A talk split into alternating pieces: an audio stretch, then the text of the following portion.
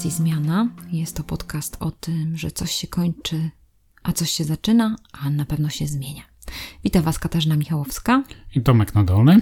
I dzisiaj zaprosiliśmy niezwykłego gościa. Mm, śmialiśmy się z Tomkiem trochę, że nie zawsze nasi goście mają stronę na Wikipedii, a tak właśnie jest z naszym gościem. Jest to Romuald Wicza-Pokojski. Obecnie spotkaliśmy go w takiej stacji Zmiana, ze względu na to, że zamienił swoje role, które do tej pory pełnił. Był wcześniej dyrektorem Teatru Miniatura w Gdańsku. Teraz obejmuje ogromny statek, czyli Operę Bałtycką w Gdańsku. Romek ma ze sobą wiele dokonań, właśnie tak jakby przygotowując się do tej rozmowy, zauważyłem, że nie dość, że jest ode mnie młodszy o dwa lata, to kiedy ja robiłem maturę, to on już miał, to już założył teatr. Więc dużo ma za sobą e, ciekawych projektów i ciekawych rzeczy, które robił w życiu. E, miałem okazję poznać go przy okazji czegoś takiego jak Europejska Stolica Kultury. Razem z Olą stworzyli taki duet w Gdańsku, który przygotował aplikację. Była tylko papierowa aplikacja, ale to był cały cykl działań. Moim zdaniem one naprawdę wtedy bardzo zmieniły sposób uprawiania polityki kulturalnej w mieście i właściwie od do dzisiaj czerpiemy w Gdańsku profity z tego, czy zyski tego, jak zmieniono podejście. To ich biuro zostało potem przekształcone w Instytut Kultury Miejskiej. Ich drogi zawodowe się rozeszły i Romuald na stałe związał się z Gdańskiem właśnie z teatrem miniaturą. Teraz opera bałtycka to wielkie wyzwanie. Usłyszycie trochę o tym wyzwaniu. No, Romuald jest osobą ze wszechmiar e, ciekawą, ciekawą, postrzegającą relacje, ciekawą, postrzegającą sposób, w jaki zarządza zespołem ludzi. To naprawdę warto posłuchać. Też miejsce, w którym którym robiliśmy wywiad, chwila, w której robiliśmy to, to, to, jest, to też było bardzo ciekawe i dlatego z pewnością warto o tym posłuchać. To była bardzo, moim zdaniem, szczera rozmowa. Tam przybrzmiewało w niej dużo takich szczerych mm -hmm. wypowiedzi. Tak, ciekawe jest to, słuchajcie, że trzeba mieć y, taką świadomość, że Romuald naprawdę no, miał taką szybką i bardzo, bardzo doceniającą ścieżkę kariery w swoim życiu. Jest całe życie związane z teatrem, jest nagrodzony wieloma nagrodami, wiele spektakli wyszły spod jego ręki. Jest reżyserem, dramaturgiem, animatorem kultury, liderem i my ze względu na to, że na to jego doświadczenie chcieliśmy się z nim spotkać, ale nie mieliśmy pojęcia, że spotkamy naprawdę osobę, która ma w sobie dużo pokory, patrzy zupełnie inaczej, inspirująco na pewne rzeczy, umie pracować w chaosie, radzić sobie z konfliktami i te wszystkie rzeczy usłyszycie w podcaście i tego się dowiecie, więc jesteśmy przekonani, że to jest naprawdę fajna rozmowa, która Pokażę Wam jeszcze inną perspektywę na przywództwo, na bycie liderem, na prowadzenie zespołu, na patrzenie na współpracowników. Warto się uczyć od ludzi kultury, bo oni widzą inaczej i mogą naprawdę pokazać nam różne, różne takie ścieżki, których do tej pory nie widzieliśmy. Oczywiście różne wątki, które wspomniane zostaną w rozmowie, będą podlinkowane w e, notatce. Jak zwykle bardzo Wam dziękujemy za wsparcie w postaci przysyłanych nam wiadomości, gwiazdek na Facebooku i gwiazdek dawanych w aplikacjach. To jest bardzo cenne dla nas. Pozdrawiamy tych wszystkich, którzy się odezwali i dają nam wyrazy swojej sympatii i mówią, że czekają na kolejne rozmowy. No i jest was coraz więcej i to, to, to rzeczywiście jest fajne, że coraz więcej tygodniowo jest odsłuchań, coraz więcej osób słucha i niektórzy słuchają naprawdę takie odcinki, które myśmy zapomnieli, że je nagrywaliśmy, a one wciąż są odtwarzane. To jest 30 sekund dla was, że was serdecznie pozdrawiamy, przesyłamy wam mnóstwo dobrej mocy i dobrych myśli. Mhm. No i zapraszamy do słuchania. Zapraszamy.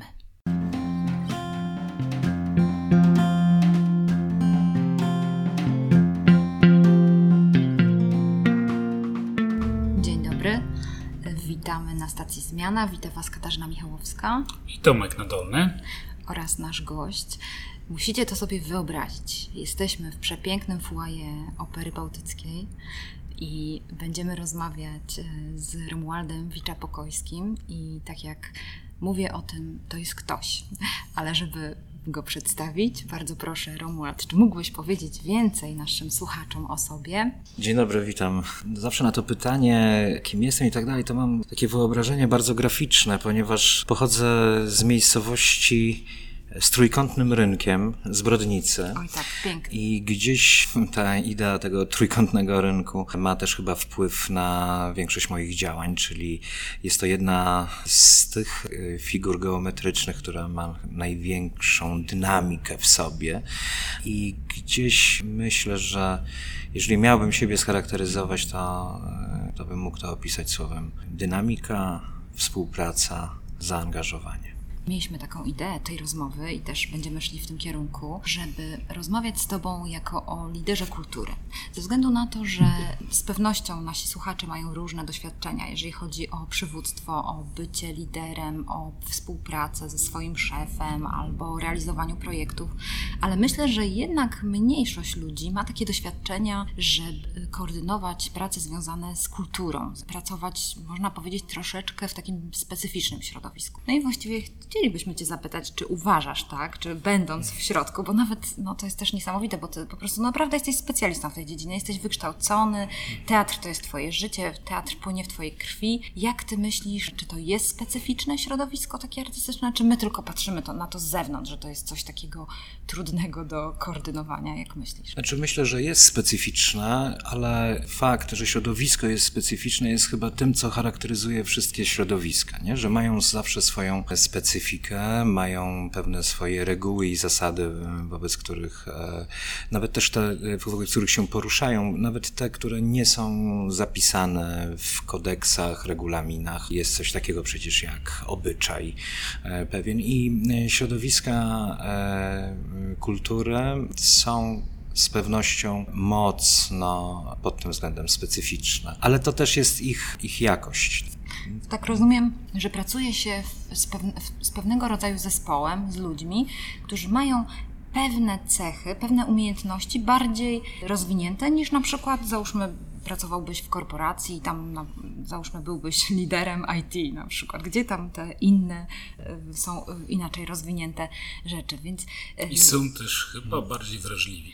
Na, na, na najróżniejszych tak, polach. Tak. I to jest ale... dobre, to jest jakby powiedzieć mocna strona, która czasami może być słabością. Jestem ciekawa, czy ty, Romuald, masz jakieś takie swoje sposoby, jakieś takie właśnie y, y, tipy? Co, co, co się dzieje, jak, kiedy pracujesz z zespołem, kiedy, y, kiedy chcesz ludzi posłuchać? Jak, jak to wygląda? No właśnie jest y, ta zespołowość. Znaczy mówię w tej chwili o, o teatrach. To jest to zbiór indywidualności. To znaczy, taką chyba jedną z głównych cech każdego artysty, twórcy jest dążenie do swojej jakiejś doskonałości twórczej, a co za tym idzie też e, takiego myślenia poprzez siebie. Teraz w tym układaniu zespołów myślę, że trzeba mocno brać to pod uwagę, że jesteśmy właśnie zbiorem takich indywidualności. Znaczy, trzeba uszanować aspiracje i właśnie indywidualność każdego z osoby zespołowość, oczywiście, że to, i to jest jak gdyby specyfika, specyfika teatrów. Teatr jest grą zespołową. Znaczy, być może właśnie tutaj przebiegają te linie tego, że czasami jesteśmy może bardziej skłonni do nerwów e, i sporów, bo e, zderzają się różne wizje. I jak gdyby też z natury rzeczy artysta jest osobą, który e, niekoniecznie lubi się podporządkowywać, ale to jest walor. Znaczy, mi się wydaje, że to jest walor. Znaczy nie można trochę traktować e, teatrów jak maszyn, e, zespołów teatralnych jako jakiejś maszyny parowej e, albo komputera, gdzie sytuacja jest zero-jedynkowa. Pamiętać o tym, że, że to są po prostu indywidualności. Ale to tak, jak ja, jak Ciebie tutaj słucham, być może nie wszyscy znają kontekst trójmiejski, że dosłownie dwa tygodnie temu miałeś przeprowadzkę. Jesteśmy na środku skrzyżowania, które zresztą słychać tutaj w tle. E, tramwaje, ludzie, w pobliżu Politechnika. A ty tutaj po przekątnej właściwie tego skrzyżowania byłeś niedawno w teatrze Miniatura. Teraz jesteś w budynku, w miejscu, który ja od razu to stwierdziłem, przechodząc tutaj na tą rozmowę, w dość dużym zakładzie pracy, no bo ponad 200 osób, jak sam wspomniałeś, że około 200 osób tutaj pracuje, to to już jest naprawdę duży zakład pracy, w którym pracują nie tylko artyści, ale też osoby, które mają no, no, bardzo pomocnicze różne funkcje lub bardzo techniczne. Od pań, które się zajmują promocją, marketingiem, przez takie, które dbają o to, żeby woda nie przeciekała. Z tego, co mówisz, to bardzo wybija się na taki pierwszy plan, że, że nie można tutaj mieć takiego roli kapitana, który na mostku widzi, ma wizję, i wszystkich podporządkowuje swojej wizji i prowadzi, bo już w kilku zdaniach już powiedziałeś, mm. jak bardzo negocjowalna jest y, ta, ta, to bycie tym kapitanem trzeba ciągle negocjować, bo jednak jest i te osobowości są wyraźne, mocne, mają swoje własne wrażliwości, swoje sposoby ich wyrażania. Prawdopodobnie też mają dość ego, dość rozbuchane, jak to, jak to osoby, które, które czują potrzebę wyrażenia artystycznego. To jest moim zdaniem chyba duża różnica w stosunku do większości firm, które na przykład mają ponad 200 pracowników. Bez pewnej hierarchiczności trudno mówić w ogóle o zarządzaniu. Natomiast sądzę, że tutaj musimy mówić też o pewnym podejściu macierzowym. To się chyba tyczy w ogóle współczesnego modelu zarządzania. Trzeba słuchać, trzeba negocjować. To jest nasz wspólny dom, to jest nasze wspólne miejsce i każdy z nas jest takim samym jego gospodarzem. To znaczy, jeżeli jestem e, dyrektorem, to mam tak samo jak każdy inny pracownik, mam swoje zadania do wykonania. Natomiast e, jakby nie wiem, jak miałbym to zobrazować, e, mówię w tej chwili o moim pojmowaniu tego, czy to dotyczy zarządzania teatrem miniatura 48 pracowników, czy perą 230 pracowników, współpracowników. To jest tak, że ja współpracuje z głowami, a nie tylko y, z rękoma. Oczywiście, że kwestia y, zaangażowania jest tutaj kluczowa, czy jest większa liczba osób, to te nasze podziały, zadania, e, obowiązki e, są znacznie bardziej też dookreślone, dotyczą konkretnych odcinków w realizacjach, w zadaniach. E, natomiast no myślę, że i tak najistotniejsze jest jednak zaangażowanie. Nie? Znaczy, czyli trochę myślenie szerzej, aniżeli tylko właśnie ten wyznaczony odcinek. Ja myślę, że talentów potrzeba na, na każdym stanowisku nie wyobrażam sobie tego, że ktoś ma wykonywać rzeczy, których e, nie czuje przyrostu swojego talentu, w którym nie może się spełniać, e, bo e, wtedy to jest tylko mordęga, zarówno dla tej osoby, jak i dla wszystkich dookoła. Nie? Więc gdzieś próba znalezienia zawsze tego, co może ekscytować nas, w pracy, ale też i jak gdyby, myślę, że to jest też zadanie szefa, tak, żeby móc trochę rozszyfrować, odgadnąć, kto czym się najlepiej ekscytuje w swoich działaniach i tak też prowadzić ten dialog. Mam wrażenie, że to by to chyba całkiem dobrze wychodzi. Przynajmniej obserwując to z boku i to, że jednak trzymałeś misję, bo tak bym to określił, chodzisz do instytucji, która jakoś tam miała różne takie zawirowania, i wchodzisz z instytucji, którą no, ja ją pamiętam sprzed twojego kierownictwa. E, i pamiętam jak ona, i wiem jak ona wygląda dzisiaj od strony takiej materialnej, ale też i od strony ludzkiej, repertuarowej, to wydaje mi się, że, że zdobyłeś tym duży kredyt zaufania i otrzymałeś kolejną misję. Tak mi się, tak, tak bym odbierał to, co się w tej chwili dzieje w Twoim życiu, czyli chyba Ci jednak idzie to wyszukiwanie tych talentów. A czy jest ktoś, kto Cię pod tym względem jakoś taki nieortodoksyjny menadżer kultury, reżyser, ktoś, kto Cię jakoś mocno inspiruje i ktoś, kto takim jest, kogo mógłbyś podać jako taki inspirujący dla ciebie przykład, który na ciebie działa? Myślę, że jestem sumą doświadczeń e, tych osób, z którymi miałem możliwość współpracy. Począwszy od tych, których mogę traktować w kategoriach swoich mistrzów, tak jak świętej pamięci Mieczysław e, Marszycki, wielki menadżer polskiego teatru,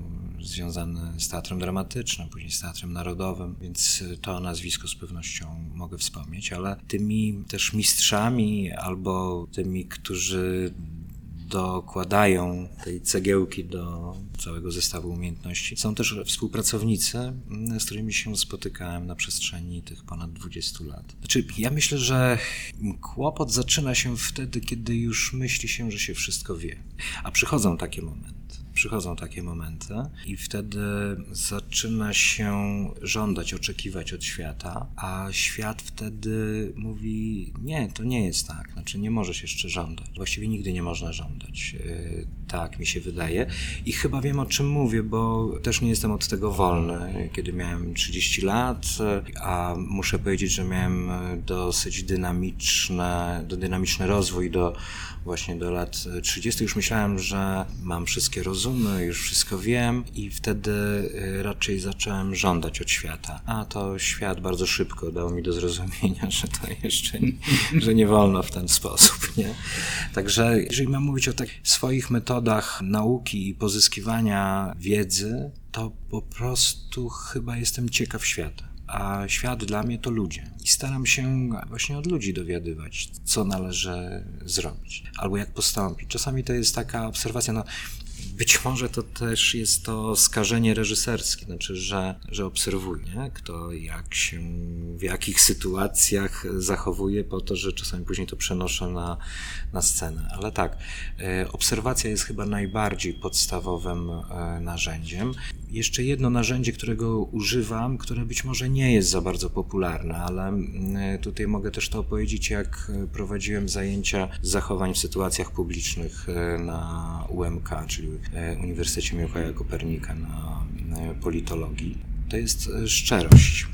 Znaczy, uważam, że cały kłopot, który też obserwuję w pewnych zachowaniach publicznych, to wszystkim się zawsze wydawało, że na przykład taki PR, tak, to to jest raczej e, nauka o kłamstwie. A, a mam takie wrażenie, że tym, co może prowokować rzeczywistą zmianę jest po prostu szczerość. Oczywiście być może kwestia umiejętnego komunikowania tej szczerości, ale stare przysłowie mówi kłamstwo ma krótkie nogi, więc nie należy go chyba stosować.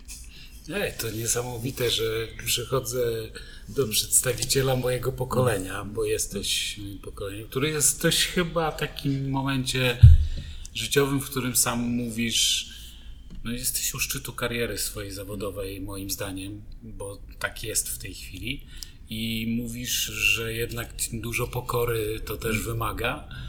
I jednocześnie nawiązujesz do tego, że prawda, mm rozumiana jako nie jako mówienie w oczy, co o tobie myślę, tylko mówienie w to, w co wierzę i w co rzeczywiście kierowanie się jakimiś zasadami, że jest to jakby jedna z twoich metod życiowych i metod zarządzania to ja już wiem, po co ja już tu przyszedłem. No. Właśnie też miałam taką obserwację, bo kiedy y, sobie rozmawialiśmy z Tomkiem, że chcemy się z Tobą spotkać, to, to jest to trudne, powiem Ci, to jest takie wyzwanie, wiesz, bo kiedy przeczyta się Twoją biografię i jak Ty jesteś bardzo nagrodzoną osobą i myślę sobie, o ludzie, ja, jak, my, jak my porozmawiamy, prawda, z taką osobą, to jest, powiem Ci szczerze, myślę sobie, jene, trzeba być też sobie, zmierzyć się też z, z osobistym wyobrażeniem samego siebie, z tym, że, że masz tak wiele, tak jesteś bardzo doceniony, już nie można cię bardziej docenić, może tak, y, tak to powiedzieć, a z drugiej strony y, jesteś taki, taką, naprawdę słuchajcie, no, tak, nawet jak rozmawialiśmy sobie wcześniej, tutaj zanim zaczęliśmy nagrywać podcast, y, taką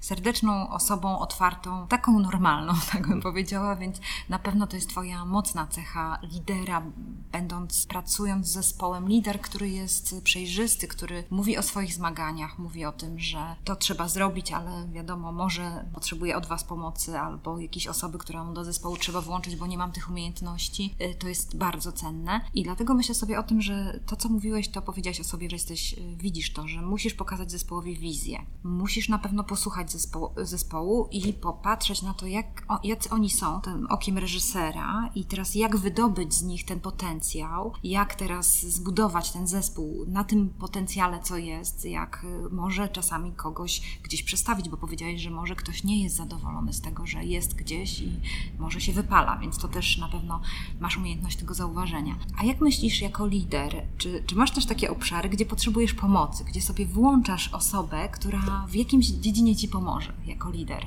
Czy, czy to masz? No tak, znowuż też mogę powiedzieć o talencie, y, który mam, to jest albo nie wiem, albo o szczęściu, które mam. E, to jest szczęście do ludzi. Ja nie mogę być od wszystkiego, znaczy w sensie, e, oczywiście mam też taką przypadłość, że wystarczy mnie się o coś zapytać ja się zaczynam w to angażować, tak? Znaczy, bo uznaję, że e, skoro jestem zapytany, to powinienem się w to zaangażować i brnę wtedy. Natomiast to są zawsze tylko moje jakieś mm, odpowiedzi, zawsze później staram się też oczywiście zaznaczyć, że na przykład w danej dziedzinie nie jestem fachowcem typu, nie wiem, nie jestem grafikiem na przykład, no, no, ale oczywiście gdzieś tam jakąś wrażliwość zawsze mogę mieć. Także uważam, że znaczy trzeba szukać specjalistów y, w danej dziedzinie. I zawsze pamiętać o tym, że ktoś jest mądrzejszy od nas i warto tej, oddać się tej mądrości, nie? Znaczy, że liderowanie to nie jest ja, ja, ja, ja, nie? To tak samo jak e, teraz sporo usłyszałem jakichś bardzo przyjemnych dla mnie słów, można powiedzieć, że kubeł miodu został na mnie wylany, ale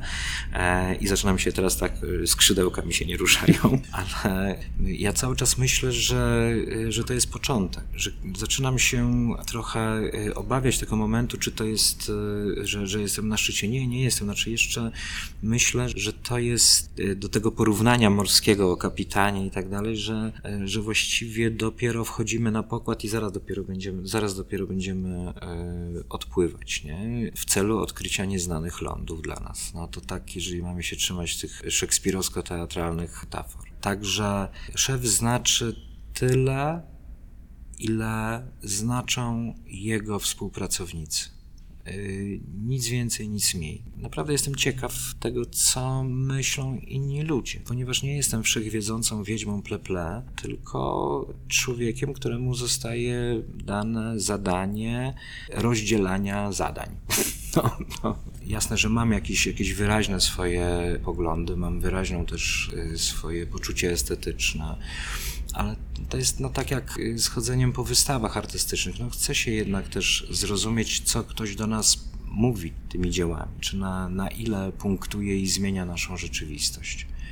Powiedz mi, prawdopodobnie powiesz, że tak nie jest, ale ja osobiście uważam Ciebie za, za kogoś, kto ma duże osiągnięcia w tym, że potrafi rozwiązywać konflikty, że potrafi łagodzić sytuację, otoczenie, że masz taki leczący wpływ. My tu, na, my tu wylaliśmy ci trochę miodu, mhm. ale ty generalnie potrafisz i prowadząc z Olą biuro Europejskiej Stolicy Kultury, kandydatury o, miasta to było Gdańska. Ważne doświadczenie. Ważne. Tam było bardzo dużo różnych zgrzytów, mm. konfliktów. Wy przyszliście z zewnątrz. Mm, mm, Warszawa, Toruń przyszła tak. tu do nas i nam będzie mówiła, jak my mamy składać aplikacje. E, to był bardzo ciekawy moment. Miałeś też taki moment, w którym wygrałeś konkurs i w tym konkursie ten konkurs nie został, jego jakby werdykt tego konkursu nie został zaakceptowany przez władze polityczne. Powiedz mi, jak ty to robisz? Nawet jeśli teraz zaprzeczysz, że ty to nie masz jakiejś cudownej recepty, to powiedz krok po kroku, jaka jest metoda tego, że ty mm, łagodzisz konflikty? Znaczy, jedną rzecz już powiedziałem, czyli słuchać. Nie? I to, to jest tak, jak e, mawiali starzy mistrzowie teatralni, że reżyserowanie zaczyna się od tego, że trzeba przeczytać tekst. Przy czym to nie chodziło o tylko literalne jego przeczytanie, tylko tak zwane przeczytanie ze zrozumieniem i z nałożeniem swojej wizji. Czyli trzeba słuchać, znaczy trzeba słuchać, co osoby komunikują, znaczy co nam mówią. Nie? To znaczy nie tylko wysłuchać słów, tylko czasami sobie zadać pytanie, nie? co tak właściwie jest do nas mówione. To jest pierwsza sprawa. Druga rzecz to wychodzić z założenia, że chodzi nam wszystkim o to samo, czyli o szczęście o szczęście, nie? Znaczy, że wszystkim nam chodzi o to samo. Oczywiście możemy mieć różne poglądy, możemy mieć e, różne pomysły na drogi dojścia do tego, ale już jeżeli wyjdziemy z założenia, że chodzi nam o to samo, to znaczy mamy już jeden punkt styczności i możemy rozmawiać sobie dalej i rozstrzygać te sprawy. Trzecia rzecz, która wydaje się, że jest oczywista i myślę, że mało kto by powiedział, że tak nie postępuje, ale wolę to też nazwać. To jest szacunek. Oczywiście, że zawsze jest tak, że o, moja wizja to moja wizja i tak dalej, ale jeżeli zaczniemy podchodzić do siebie z szacunkiem, to myślę, że znacznie łatwiej będzie nam zawsze prowadzić e, dialog. Ja tak trochę szukam w głowie tych rzeczy, bo przecież nie mam ich przygotowanych na kartce, podręcznika nie napisałem, więc tak wyszukuję też jeszcze, jeszcze. różnych e, innych istotnych spraw. To są chyba też rzeczy dosyć proste w nazwaniu, ale ich konsekwencja w, w działaniu jest y, przepotężna. Wystarczy mieć nastawienie takie, znaczy wystarczy mieć, ja nie wiem, no no ale tak sobie myślę, że każdy ma prawo do błędu, każdy ma prawo nie wiedzieć, każdy ma prawo nie umieć. I jeżeli tak podejdziemy, to nie będziemy myślę, żyć obrazem. Zresztą to chyba jest taka jedna z największych chorób wszystkich szefów i zawsze, jeżeli coś powoduje, że no, jestem zlany potem i się obawiam, to tylko to, żebym nie zachorował na chorobę, która się nazywa oblężona twierdza. Czyli taki moment, w którym wydaje się nam, że o tyle zrobiliśmy dla innych, wprowadziliśmy to i tamto, a oni cały czas przychodzą, cały czas coś do nas mają, tego nie rozumieją. I wtedy nagle tworzy się jakaś wielka fosa i my jesteśmy w tym zamku i tak sami sobie tkwimy w tej swojej dobroci, jacy my jesteśmy fantastyczni, tylko nas nie rozumieją. To jest oczywiście rzecz, e, o której e, łatwo się mówi, natomiast czasami nawet nie jesteśmy w stanie zauważyć, kiedy, kiedy nastaje ten moment. Nagle stajemy się gdzieś yy, sami w tym, w tej oblężonej twierdzy. Jeżeli czegoś najbardziej się boję, to tego, żeby to mi się w życiu nie zdarzyło. Dlatego staram się też, jasno pilnować, to jest na przykład tak jak kwestia e, teatru miniatura. Fantastyczna załoga, niebywale dobre, między nami wspólnie płynące energie, no tak, to oczywiście zawsze tak ktoś mówi o energiach, to już wiadomo, nie? Ale Może takie, to po prostu empatia. Tak, no, tak. I o, to jest właśnie tak, to piękne słowa jego mi chyba tutaj zabrakło, tak, empatia.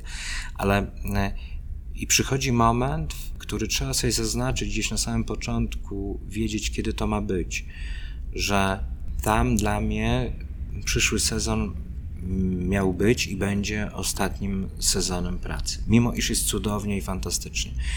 Ponieważ Mm, to szczególnie osoby z różnych korporacji mogą to wiedzieć, że chyba podstawową zasadą każdego działania biznesu jest to, żeby wiedzieć, kiedy wejść i wiedzieć, kiedy wyjść. Ja myślę, że, czy tak jak mamy znowu w świecie artystycznym, mówimy, trzeba wiedzieć, kiedy ze sceny zejść. E, więc tak, żeby nie przytłoczyć sobą e, współpracowników i nie dać się znowuż przykryć problemami całego świata związanego z teatrem, z firmą. Czyli oczywiście być może to inaczej, kiedy ktoś prowadzi swój rodzimy interes, tak, własny, prywatny, ale przy państwowych instytucjach kultury uważam, że bardzo ważne jest, żeby wiedzieć, kiedy odejść. Mi teraz zaimponowałeś, zwłaszcza, że jesteś, tak jak wracam do tego, naprawdę teatr płynie w twojej krwi jesteś mega nagrodzoną osobą i masz pełne prawo do tego, żeby uważać, że ty uważasz najlepiej, że e, moja mojszość jest najmojszejsza i mhm. powiem ci, że to jest naprawdę, e, wydaje mi się, że możesz być dużym przykładem dla wielu liderów i też, e, no naprawdę chciałabym to jakoś podkreślić tutaj w naszej rozmowie, że to jest coś, coś naprawdę ważnego.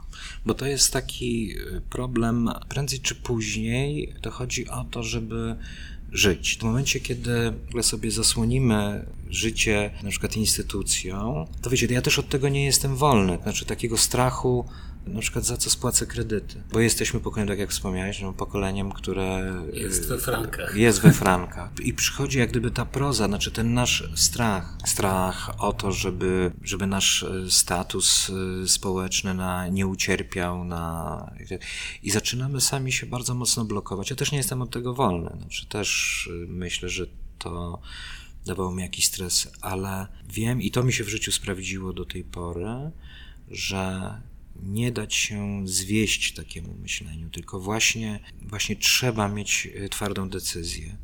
To jest tak jak y, na przykład tutaj, w tej sytuacji, na przykład miniatura opera. Ostatni sezon w miniaturze, oczywiście, że tam sobie montowałem jakieś plany bardziej artystyczne, e, reżyserii różnych, e, w różnych miejscach i jak gdyby tak sobie zabezpieczałem przyszłość. Nie, nie rozmyślałem o tym, że będę zarządzał e, następnym teatrem. I nagle przychodzi taka propozycja, znaczy zostaje ona złożona.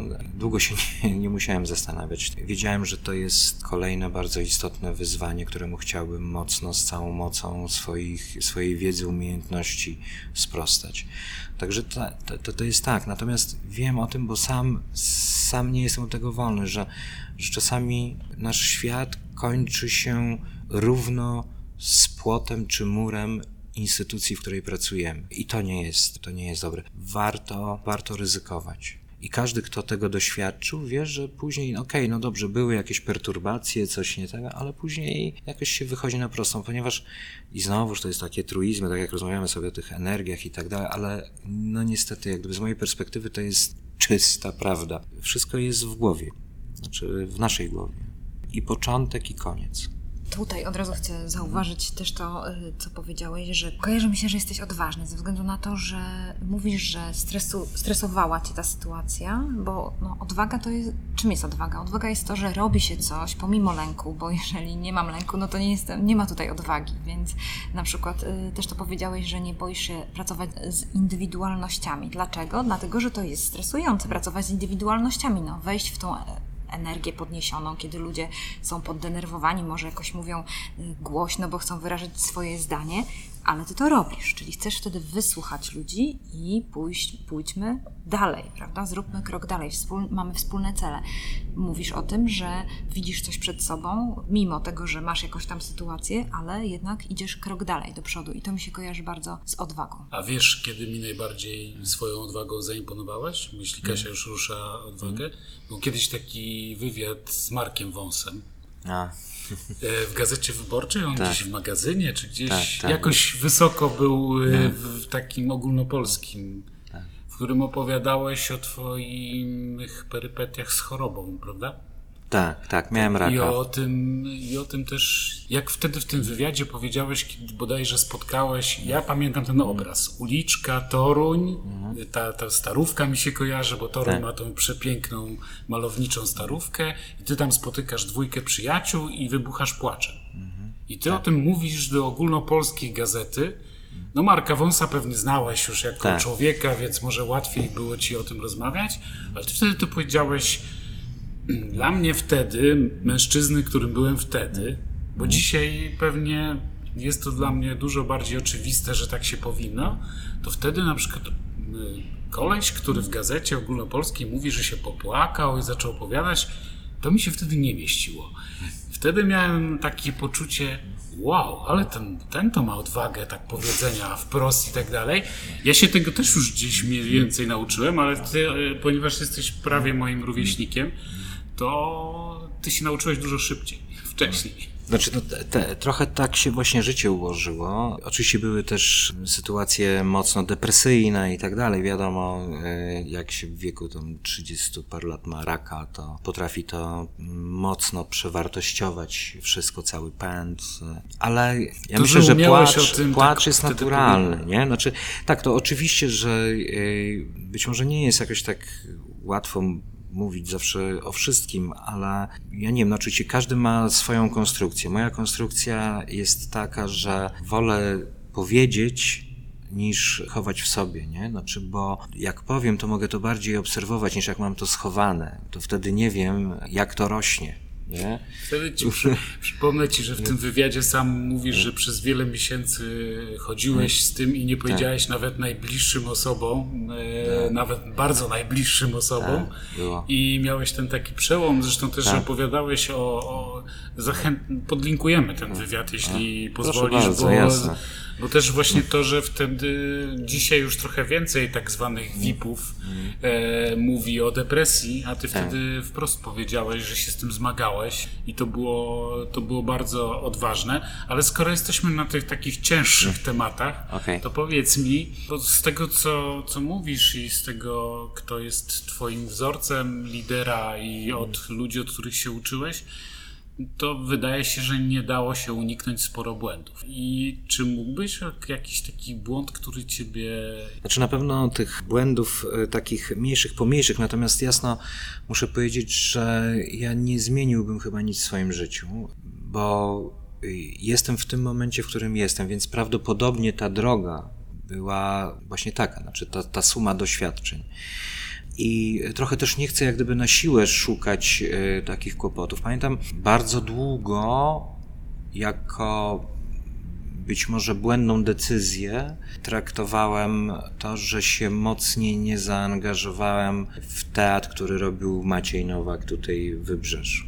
Bo bardzo długo miałem wrażenie, że odjechał pociąg, do którego ja nie wsiadłem. I to trwało długo, natomiast dzisiaj, no właśnie mam problem, nie? Czy ta decyzja była słuszna, czy nie. Znaczy, być może była właśnie tak słuszna. Chociaż no nie wiadomo, no, no taki, taki pejzaż się maluje. Nie jesteś z tych, którzy gdyby, tak? No, Co by było gdyby z te... No trochę, tro, trochę tak, nie? Bo, bo też nie wiem jak daleko sięgać. No wiecie, no na przykład ostatnio yy, no, jestem po ślubie z, z Basią, z którą jestem e, prawie 24 lata. Więc może, i, a i doświadczenie, którego doświadczam teraz ze ślubem, po ślubie, tego jak jesteśmy małżeństwem, to mogę powiedzieć, że kto wie, czy jednak nie było błędem, że dopiero teraz, a nie wcześniej, nie? Bo być Czyli może już bym przeżywał... się, jak jesteście pewni, że tak, to jest ta kobieta, tak, to się tak, żenić. Tak, że to może być trochę y, taka sytuacja, ale ja tego nie wiem. Znaczy w sensie, bo E, no tak jak mówię, no, dziś jest taki dzień i prawdopodobnie nie byłby takim, jakim jest, czyli gdzieś jednak bardziej szczęśliwym e, czasem. Natomiast ten moment, o którym wspominałeś, on był oczywiście, ale on też był dużą nauką. Na przykład wtedy bardzo mocno zrozumiałem to, że świat się porusza sinusoidą, nie? I trochę trudno zawsze utrzymać na przykład takie napięcie szczęśliwości przez cały czas. Ale też jak jestem w dole albo jak jestem w trudnej sytuacji, to wtedy sobie przypominam wszystkie trudne sytuacje i mówię, no kurczę, jak były, to później się też skończyły, nie? Znaczy, że jak gdyby te, te słynne nie ma sytuacji bez wyjścia i tak dalej. A przeżywałem już naprawdę bardzo trudne sytuacje, również też i w tej zawodowej e, drodze. I w rezultacie jednak e, gdzieś, no taka sinusoida jednak. Nie? Czyli jak jestem, akurat mam górną część, to wtedy staram się jak najwięcej e, zabrać ze sobą pozytywnych refleksji na ten czas, kiedy będę w dołku. A kiedy jestem w dołku, to mówię, to też to przeminie. Nie? Oczywiście to tak jest łatwo mówić y, teraz, ale naprawdę takie doświadczenie sobie zawsze robię. Kiedy jestem w najtrudniejszych sytuacjach, mówię, kurczę, były już trudne sytuacje i już ich nie ma, poszły, są przeszłością. A jak dobrze wiemy, przeszłość nie istnieje niestety tak samo jak przyszłość. Fajnie, że też wspomniałeś o tym, że ty uważasz, że jeszcze dużo portów do odkrycia mm. i lądów, bo właśnie miałem ochotę mm. taką wielką tobie zadać mm. to pytanie. Gdybyś miał gigantyczną ekipę, wspaniały obiekt, kulturalny, ogromny budżet. Ja nie mówię nieograniczony, bo taki tak. nie istnieją, ale powiedzmy, no jak mają największe sceny na świecie, czy to muzyczne, czy teatralne, Gdybyś miał, masz coś takiego, przychodzisz czasem do głowy, a to bym wtedy zaszalał, bym coś zrobił, coś wymyślił, coś, coś bym, jak byś, co byś wtedy zbudował, co byś stworzył? No oj, to, o, to jest... Bo ja myślę, że Excel to jest jedna z rzeczy, która tak. cię najbardziej ogranicza w tym tak. wszystkim. Tak. Tak, tak. Nie wiem, znaczy no, na, na pewno kwestie jakości czy wspaniałości, one są w jakiś sposób powiązane właśnie z tym Excelem. Ale ja myślę, wiecie co, że być może nie te nieograniczone budżety, ale co do całej reszty, to poczekajmy jeszcze chwilę. Myślę, że, że za jakiś czas będzie można zobaczyć, co to by było, bo będzie to tu, w tym miejscu, w którym rozmawiamy. Fajnie, fajnie. Super. Już nie możemy się doczekać. E, i, I powiem szczerze, że patrząc na to, jak ci się krok po kroczku udawało parę różnych rzeczy zrobić, to brzmi obiecująco. Ja mam Ja takie też. pytanie, może nie tyle o wartości kulturalne, to miejsce, to skrzyżowanie, które jest bardzo ruchliwe i przez szybę mam okazję oglądać najróżniejsze tutaj postaci ludzkie i dzieci, które nie są dzisiaj w szkole, bo jest środek wakacji, więc ich jest całkiem sporo. E, Powiedz mi, jak Twoim zdaniem, jaką ma funkcję kultura, teatr, teatr zwłaszcza, w tym, czym jest miasto, w tym, czym jest komunikacja, w tym, czym są nasze interakcje międzyludzkie, polityka cała, to, to wszystko, co się dzieje w tym całym ekosystemie. Dla jednych ona jest kompletnie niepotrzebnym elementem, wydawaniem pieniędzy na głupoty, dla innych jest tak istotna, że oddają temu całe życie. A ty? Dla mnie kultura jest wytworem człowieka. Znaczy pod tym kątem y, zgadzam się z określeniem, że kultura to nie natura. To, jacy jesteśmy, świadczy kultura, jaką wytwarzamy. Oczywiście to jest bardzo e, szerokie słowo, znaczy trochę trudno stawiać znak e, równości między e, tylko kulturą i sprawami artystycznymi. Uważam, że sztuka jest jak gdyby najwyższą emanacją kultury. Natomiast kulturę tworzymy na co dzień. To jest kwestia, jak się zachowujemy, ile w nas jest tych wszystkich, powiedzmy sobie, potocznych zachowań. Żeby była sprawa jasna, kulturę sami wytwarzamy. To znaczy, albo żeby obejrzeć człowieczeństwo, czym jest człowieczeństwo, to spójrzmy na to, jaką tworzymy kulturę dookoła siebie. A teatr w tym? No, Jaką rolę pełni No tu- specyficzną? to tutaj to jednak to, jest tak, o działka. znaczy te, teatr ma e, kilka zna, znaczących e, kwestii w ogóle w całym tym powiedzmy sobie kulturotwórczym aspekcie. Poza tym, że jest sztuką, czyli jest najwyższą emanacją kultury, to jest też sztuką społeczną. To jest oglądamy, słuchamy coś wobec innych, którzy słuchają i oglądają, odbierają. E, Czyli już poprzez sam ten aspekt mamy do czynienia ze współodczuwaniem. I myślę, że to jest to, co mocno charakteryzuje widowiska performatywne, sceniczne, że nie jesteśmy w tym sami. To jest oczywiście przeżywanie w bezpiecznych okolicznościach. Co prawda zostało to zaburzone po atakach na Dubrowkę, ale generalnie co do zasady, to mamy przeżywanie w bezpiecznych okolicznościach i przeżywanie wobec innych osób. Czyli pod tym względem jest teatr sztuką społeczną. Jeżeli chodzi natomiast o e, taką dziedzinę sztuki jak opera, e, to tutaj mamy do czynienia z tym, co jest też ikoną naszej kultury. Tak? To znaczy, e, opera jest teatrem totalnym. E, To jest jedna z najwyższych, najlepszych jakości łączących wiele dziedzin sztuki i pod tym względem uważam, że jej rola jest ikoniczna, tak? Znaczy pewnego... No Tu się chcę, opowiada eposy. tu się opowiada eposy, znaczy tak, ale generalnie bardzo bym chciał, żebyśmy byli od opowiadania najlepszych historii świata.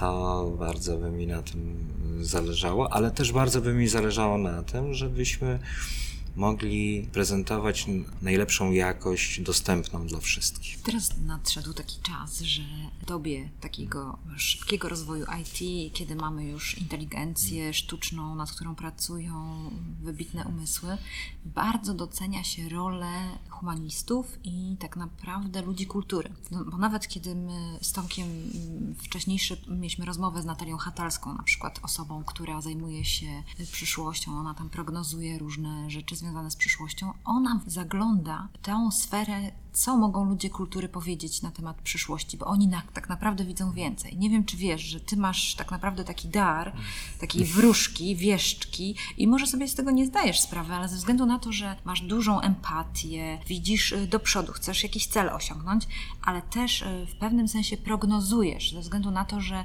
to, co dzieje się w kulturze, to, co y, istnieje, to, co jest wyrażone w sztuce, jest w pewnym sensie taką prognozą naszej przyszłości. Tej przyszłości, o której mówisz, ona nie istnieje, ale tak naprawdę no my tam zaglądamy w przyszłość. I powiedz mi, wróżczko, wieszczko, jaka będzie nasza przyszłość? Jak, my, jak myślisz? Jak, jakie masz takie obrazy, jeżeli myślisz o tym? Może uciekasz od tego, ale powiedz nam, y, jak to wygląda, tak z punktu Twojego widzenia, będąc liderem kultury, będąc tym influencerem, kulturą, y, zżyty teatrem. Ja dlatego e, e, mówię o tej przyszłości, że ona nie istnieje, ponieważ zawsze, kiedy się budzę, jest dzisiaj, więc e, to trochę tak to jest. Znaczy są pewne dość silne obawy też odnośnie przyszłości, ponieważ jest kwestia zrozumienia nie? to znaczy zrozumienia i całego tego świata też e, pełnego różnych manipulacji. My nawet już sami nie wiemy, jak manipulujemy sobą nawzajem w różnych momentach. Mam nadzieję, że będziemy światłym społeczeństwem, mówię tak też dość e, globalnie, nie chodzi mi tutaj o Gdańsk czy o Polskę, tylko tak w ogóle że, że zrozumiemy, że, że życie jest najwyższą wartością, a człowiek jest tą najcenniejszą ideą z tymi swoimi ułomnościami i tak dalej. Że może lepiej zamiast e, budować e, mury, to może lepiej hodować nawet, nie wiem, żywopłot, tak? Że to jest lepsze niż stawiać mury, nie? Że e, też jakieś umiejętności dzielenia się nawzajem. To tak w sensie marzeń. Natomiast, tak jak mówię, no trochę być w roli wróżki to, to ciężko, ale, ale myślę, że że bardzo odkleimy się od własności. I też nawet to, jak się dzisiaj rozszarpuje świat, myślę, że on się rozszarpuje trochę z takich względów, że, że za mocno, czy że są jeszcze siły, które bardzo uważają, że własność e, świadczy o potędze, a wchodzą nowe technologie i tak dalej, które mówią, po co ci własność, będziesz miał dostęp. Obserwuję to e, na swoim sprzęcie, kiedy nie jestem już w stanie dać tobie nagrań, mimo iż mam dostęp do prawie wszystkich nagrań, bo mam wykupiony dostęp. Ale ja też nie potrzebuję tego, bo przecież jak sobie zobaczę, ile kaset mam w domu, ile mam e, płyt, których już nie ruszam, nie? One, a to była własność. Oczywiście problem jest z tak zwanym pięknym przedmiotem, nie? I to, jak można się obdarować czymś, co jest piękne, nie? Bo trochę cały czas nie rozumiem tego, że mogę powiedzieć tobie, to masz tutaj w prezencie o mnie, ode mnie dostęp na, nie wiem, miesiąc do czegoś tam, nie? Więc tutaj to może jeszcze być kłopotliwe, ale sądzę, że zaczniemy odchodzić od własności. Spójrzmy, co się dzieje na przykład tutaj w Trójmieście. Już nie zawsze muszę poruszać się własnym samochodem, mogę, mam samochody na minuty, nie? Skutery na minuty. I akurat z tego tego się bardzo cieszę. Jak gdyby poczucie własności przestanie być tym, co będzie świadczyć o naszym e, statusie. Ciekawe jest to, co mówisz, bo jako człowiek kultury łączysz się z przedsiębiorcami, bo wyobraźcie sobie, że niedawno było takie spotkanie y, tutaj w starterze naszym mm. trójmiejskim, gdzie właśnie młodzież była zachęcana do twarzania nowych takich przedsiębiorstw wirtualnych, czy, no, czy w ogóle tak wiecie, tylko sobie tam wymyślali nowe przedsiębiorstwa. W każdym razie duża część wymyślonych przez nich przedsiębiorstw opierała się nie na własności, tylko na, na pożyczonych rzeczach, tak. No i oczywiście, no to, że będzie znacznie większa obecność technologii w naszym życiu to też jest chyba rzecz e, nieunikniona. Mam nadzieję, że będzie też zbawienna. E, trochę rozmawialiśmy o różnych chorobach, więc e, myślę, że tutaj te sprawy medyczne czekają cały czas na, na taki rozwój i tutaj będę też na pewno temu kibicował. Natomiast chciałbym też zadać pytanie, nie? bo to jest na przykład sprawa, która mnie też nurtuje. Czy będziemy mieli do czynienia z jakimś całkowicie nowym rodzajem sztuki, czegoś, co uznamy za sztukę. Nie jakimś, jakąś metamorfozą którejś z dziedzin, tylko z całkowicie czymś nowym. Coś, co będzie mogło być którąś z mus. Tak jak na przykład było odkrycie kina, czyli coś całkowicie innego, coś, co nie było teatrem. Tego nie wiem. Znaczy, trochę tak y, czasami myślę sobie, że może ten świat gier idzie w tą stronę, ale też nie wiem. Znaczy, to jest taka. Czy przełom, który być może sztuczna inteligencja jest w stanie Czy może, właśnie. Właśnie. nie doprowadzić do takiego singularity. Tak Czyli takiego tak. jakiegoś absolutnego przełomu w tym, również w aktywności właśnie artystycznej. Tak, bo być może tak jak dla nas i to, do czego nam chyba od wieków była zawsze potrzebna sztuka, czyli do uruchomienia przeżyć we w miarę spokojnym, no, bezpiecznym klimacie, to być może też właśnie ta sztuczna inteligencja będzie też potrzebować swojej sztuki do, e, nie wiem, wzmacniania swojej, swojego samodoskonalenia. Z drugiej strony ciekawe jest to, że takie pradawne sztuki, one odżywają ze względu na to, że ludzie, którzy żyją w tej wirtualnej mm. rzeczywistości, pragną przeżycia. Więc wydaje mi się, że tak jak nastąpił mm. taki powrót do kin, tak mm. samo y, jest powrót do teatrów i do przeżywania sztuki w realu. Jednak ludzie są spragnieni takiego, takiej obecności realnej. Z drugiej strony. Tak. No. Chociaż też mają czasami przedziwne oczekiwania, na mhm. przykład, mm że, mhm. że oczekują, że będzie, nie wiem, albo repertuar tylko klasyczny, mm. Ale to ze albo, wydaje mi się... Albo, albo oczekują właśnie fajerwerków, takich przełamywania konwencji. Internet sprawił, że każdego mm. recenzja jest hmm. równie ważna. Na przykład y, dla mnie, y, znaczy ja się nie zrzymam, znaczy zrzymam się y, na brak albo na pewien postępujące wykasowanie z naszej rzeczywistości prawdziwych znaczy prawdziwych, o jak to zabrzmiało, krytyków sztuki, znaczy krytyków teatralnych. Jest coraz mniej, coraz mniej zawodowców którzy potrafią opisać dzieło, znaleźć tropy w nim. To my, jako twórcy, tego potrzebujemy. Ja sobie zdaję sprawę, że niekoniecznie muszą potrzebować tego odbiorcy, bo odbiorca potrzebuje jednak tej czasami, nazwijmy to, szeptanej recenzji. I ja też jak gdyby na to się nie zrzymam. Znaczy, to jest okej, nie? Znaczy, fajnie, że,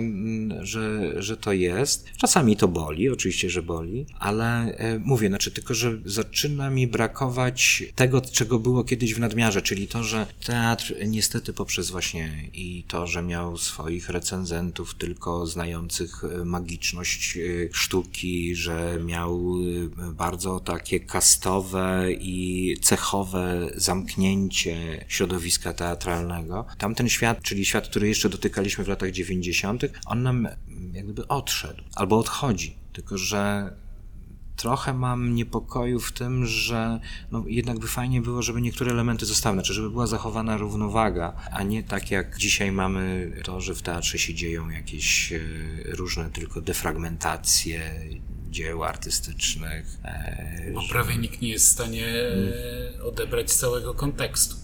Tego, że go też nie zna do końca, ale to chyba też jest problem literatury, Literatura? że na przykład jest bardzo dużo właśnie tak zwanych recenzji. E, znaczy, czy tak zwanych, czy nie. No być może to są szczere rzeczywiście mm. przemyślenia i tak dalej, w których osoby, które komentują, nie znają nawet mm. kanonu. Nie są w stanie prześledzić historii literatury, bo po prostu jej w ogóle nie znają. Więc jeszcze, ponieważ wspominałeś o tych źródłach, które Dzisiaj mamy streamy mm. różne, do których mamy tylko dostęp. Chciałem się ciebie zapytać o ulubione źródła, o ulubione może autor, książka, a może sztuka jakaś? Takie, Aha. które cię Rekomendacje jakieś. uczą? Mogę oczywiście się podzielić na przykład tym, że książka, która, e, książki, które na mnie e, ostatnio tak e, mocniej zadziałały, ale właściwie może powiem o jednej, to jest Antoniego Pawlaka Zapiski na paczce papierosów. Dla mnie też było dość poruszające to, że Antoni to Facebooku tam chyba puszczał te odcinki. Ja no akurat Tutaj nie wiem, czy to wypada powiedzieć, ale no nie mam Facebooka, więc e, dopiero to w postaci książkowej odkryłem. E, bardzo polecam, czy w sensie, bo jesteś, rozmawiamy też w wakacje, więc może i przychodzi sierpień za moment, więc może w tych wszystkich kontekstach sierpniowych warto sięgnąć do tej literatury. Dla mnie i śmieszno, i straszno, i mocno poruszająca lektura to, to z takich. Natomiast e, jeżeli chodzi o źródła, z których e, czerpię, jeżeli chodzi o internet, to tutaj nie jestem jakimś wielkim odkrywcą. Ja korzystam z tych streamingowych, no to akurat e, z platform komercyjnych, e, no mogę oczywiście powiedzieć, ale to podejrzewam, że nie jest. No ale tutaj nie robię nic ponad, natomiast jakby mi przyszły ciekawe jeszcze strony, po których sobie gdzieś tam biegam, teatralne, to warto. No oczywiście, że my tutaj środowisko teatralne w dużej mierze korzysta też z eteatr.pl, który jest bardzo rzetelnym. A tak to oczywiście tam zasysam sobie trochę jakichś Twitterów różnych i sobie tutaj patrzę. Sam niestety nie jestem zbyt dużym, kim, jak to nie wiem no, nazwać, takim, który często e, tam podaje te swoje różne informacje. Ale tak, ale Twitter i mało tego, Twitter mi e, e, w sensie komunikacyjnym mi też bardzo odpowiada.